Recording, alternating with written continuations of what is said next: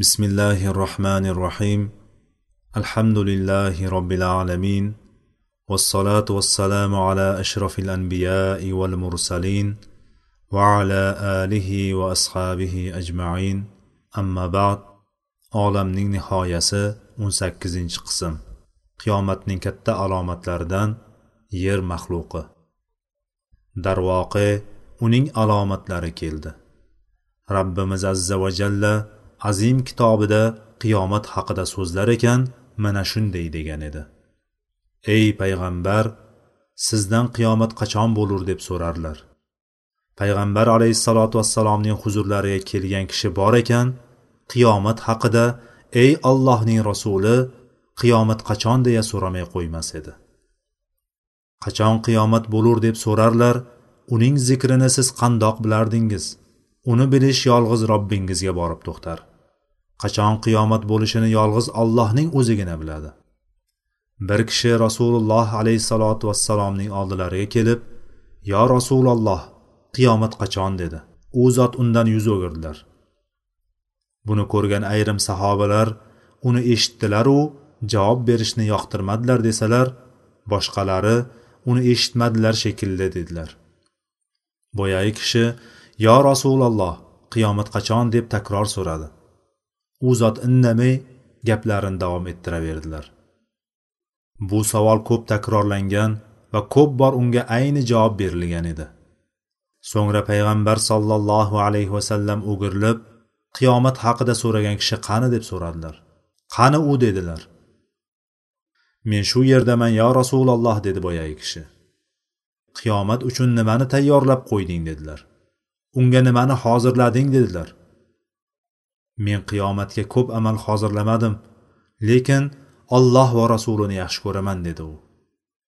Sen yaxshi ko'rganing bilan birga bo'lasan dedilar rasululloh. Sen yaxshi ko'rgan odaming bilan birga bo'lasan dedilar. Barcha odamlar qiyomat soati haqida so'rashdi.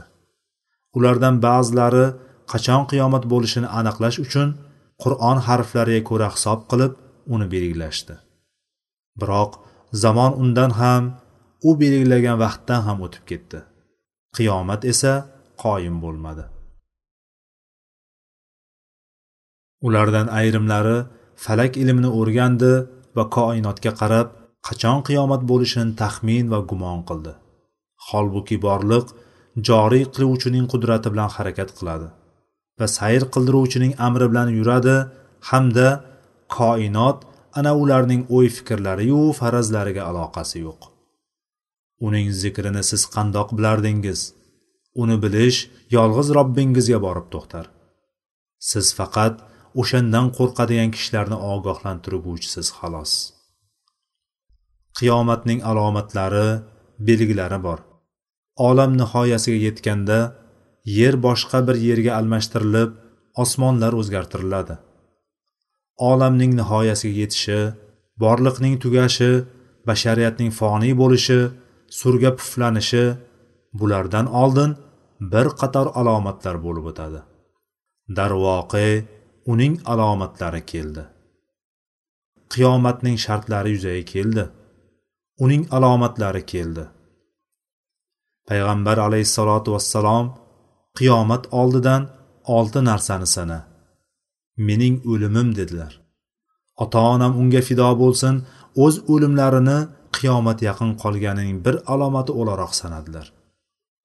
Boshqa rivoyatda men va qiyomat mana shunday holda yuborildim deya ko'rsatkich va o'rta barmoqlarni birlashtirdilar. Hamda payg'ambar etib yuborilishlarini qiyomat alomatlaridan bir alomat ekanini aytdilar. Bundan tashqari u zot qiyomatning katta alomatlarini zikr qildilar. Agar ular yuz bersa hamma odamlar uni bilib idrok qiladilar va ko'radilar. Ular sodir bo'lishi bilan odamlar ustida hujjat qoyim bo'ladi. Bu alomatlardan shunday alomatlar borki ular voqe bo'lgan kunda ilgari iymon keltirmagan yoki iymonida yaxshilik kasb qilmagan biron jonga endi keltirgan iymoni foyda bermaydi.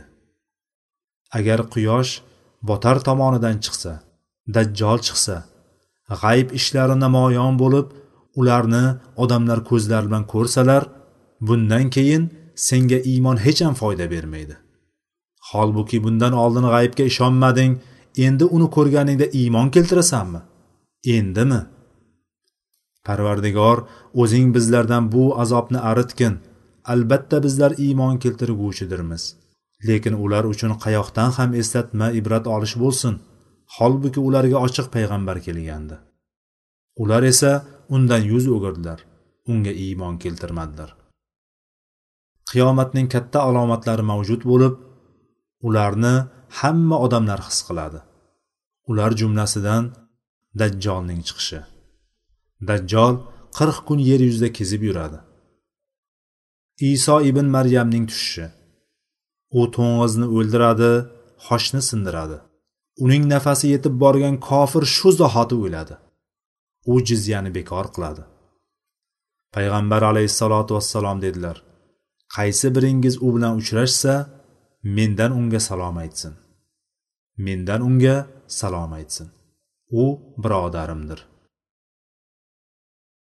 Qiyomatning katta alomatlaridan yana biri maxluqning chiqishidir. Alloh taolo aytadi. Qachonki ularning boshiga so'zlangan azob tushganida. Oyatlar voqe bo'lgan hujjatlar kelgan qiyomat shartlari va alomatlari kelib birining ortidan boshqasi voqe bo'lganda. Dajjolning chiqish hodisasi iso ibn maryamning tushishi yajuj majuj voqeasi yuz berganda ularning boshiga so'zlangan azob tushganida alloh taolo dediki biz ularga yerdan bir maxluqni chiqaramiz. U ularga odamlar bizning oyatlarimizga ishonmaydigan bo'lganlarini aytib beradi. Qachonki ularning boshiga so'zlangan azob tushganida biz ularga yerdan bir maxluqni chiqaramiz u ularga odamlar bizning oyatlarimizga ishonmaydigan bo'lganlarini aytib beradi. U o'zi qanday maxluq? Qanaqa sifatlari bor qayerdan chiqadi? Rangi qanday jinsi qanaqa? U chiqib nimalar qiladi? Maxluq chiqqandan so'ng kishining iymonga kelishi foyda beradimi? Maxluq odamlarga gapiruvchi til bilan so'zlaydi. Ularga gapiradi. Ularni yaralaydi ya'ni jarohatlaydi deb ham aytiladi. Bu kalim so'zidan olinib jarohatlash deganidir. Payg'ambar alayhissalotu vassalom shahidlar haqida aytib berayotib shunday dedilar. Alloh yo'lida jarohatlangan yarador bor ekan alloh o'zining yo'lida jarohatlanganlarni yaxshi biluvchiroq u qiyomat kuni jarohatidan qon oqib turgan holda keladi. Uning rangi qon rangida hidi mushk ambar hidida bo'ladi. Kalim olgan yarador bor ekan ya'ni alloh yo'lida jarohat olgan yarador bor ekan kalmi bilan ya'ni jarohati bilan keladi. Ba'zi olimlar alloh taoloning biz ularga yerdan gapiruvchi bir maxluqni chiqaramiz degan so'zi haqida ularni jarohatlaydi deyishdi. Xo'sh ularni nima bilan jarohatlaydi? Nima qiladi?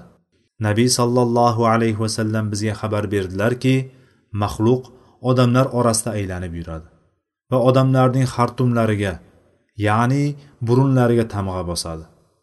Ularning burunlariga belgi qo'yib musulmon bilan kofir orasini ajratadi. Bu musulmon bu kofir deb yozadi. Aytilishicha faqat kofirlarga tamg'a bosar ekan. Odamlar tamg'ani unda ko'rsin uchun. Hatto bir kishi tuya sotib oladi. Boshqa biri undan buni kimdan sotib olding? deb so'raydi. Shunda u tamg'a bosilganlardan ya'ni burni ustiga belgi qo'yilgan bir kimsadan sotib oldim deydi. Bu maxluq makkadagi safo tog'idan chiqadi deyiladi. Sahrolardan birida bir cho'ldan chiqadi deb ham aytiladi. Maxluq chiqqach odamlar orasiga kirib keladi. Ayrim kimsalar maxluqning shakli haqida asossiz gapirib maxluq haqida bir qancha farazlar to'qimalar o'ylab topishgan. Biroq payg'ambarimiz sollallohu alayhi vasallam bizga uning sifatlari haqida aytmaganlar. Aytgan narsalari u zot sahobalari oldiga chiqib nimani muzokara qilyapsizlar dedilar. Qiyomatni deyishdi ular. U zot qiyomat undan oldin o'nta alomatni ko'rmaguningizcha qoyim bo'lmaydi dedilar va ular jumlasidan maxluqni aytib o'tdilar. Sahobai kiromlar yo rasululloh uning rangi qanday bo'ladi shakli qanaqa qanday kattalikda qayerdan chiqadi qayerga boradi nimani yeydi nimani ichadi deb so'ramadilar aslo. Balki ular maxluq qiladigan ishga iymon keltirdilar. Aytilishicha u solih alayhissalomning tuyasi ekan. Chunki alloh taolo uni ota onasiz mo'jiza holda yaratib xarsang toshdan chiqargan edi. Solihning tuyasining bolasi tuyaning bolasi ham deyilgan. Yana bu haqida bir qancha so'zlar aytilgan. Biz uni oxir zamonda chiqadigan odamlarning tumshuqlariga tamg'a bosib musulmon bilan kofirni orasini ajratadigan maxluq deb iymon keltiramiz. Maxluq odamlar orasini ajratgandan keyin zamonlar o'tadi. Hatto bir kishi boshqa birisiga ho musulmon! yana boshqasiga ho kofir! deb chaqiradigan bo'ladi. Go'yo ularning ismlari yuzlariga yozilgandek bo'ladi. Hatto odamlar o'shanga o'rganib qolishadi. Hayot o'tib boraveradi. To qiyomat qoyim bo'lishi va surga puflanishi yaqinlashgunicha odamlar bir biri bilan shu tarzda muomala qilib yuraveradi. Keyin rabbimiz azza va jalla mo'minlarga rahmatini yuboradi.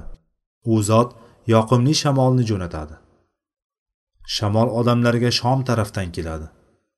Shamol shomdan esadi va mo'minlarni qo'ltiqlaridan oladi. Qo'ltiqlaridan yumshoq va muloyim bo'lib kirgan shamol mo'minlarning ruhlarini oladi. Payg'ambar alayhissalotu vassalom dedilar hatto birlaringiz tog'ning ichiga kirib olgan bo'lsa shamol g'orga kirib tog'ning ichida bo'lsa da uning ruhini oladi. Mo'minlar o'lgan maxluq odamlarga belgi qo'yib ularni musulmon va kofirga ayirgan kunda. Musulmonlarning joni olingandan keyin faqat eng yomon odamlargina qoladi. Alloh ularning qaysi vodiyda o'lganiga ham e'tibor bermaydi.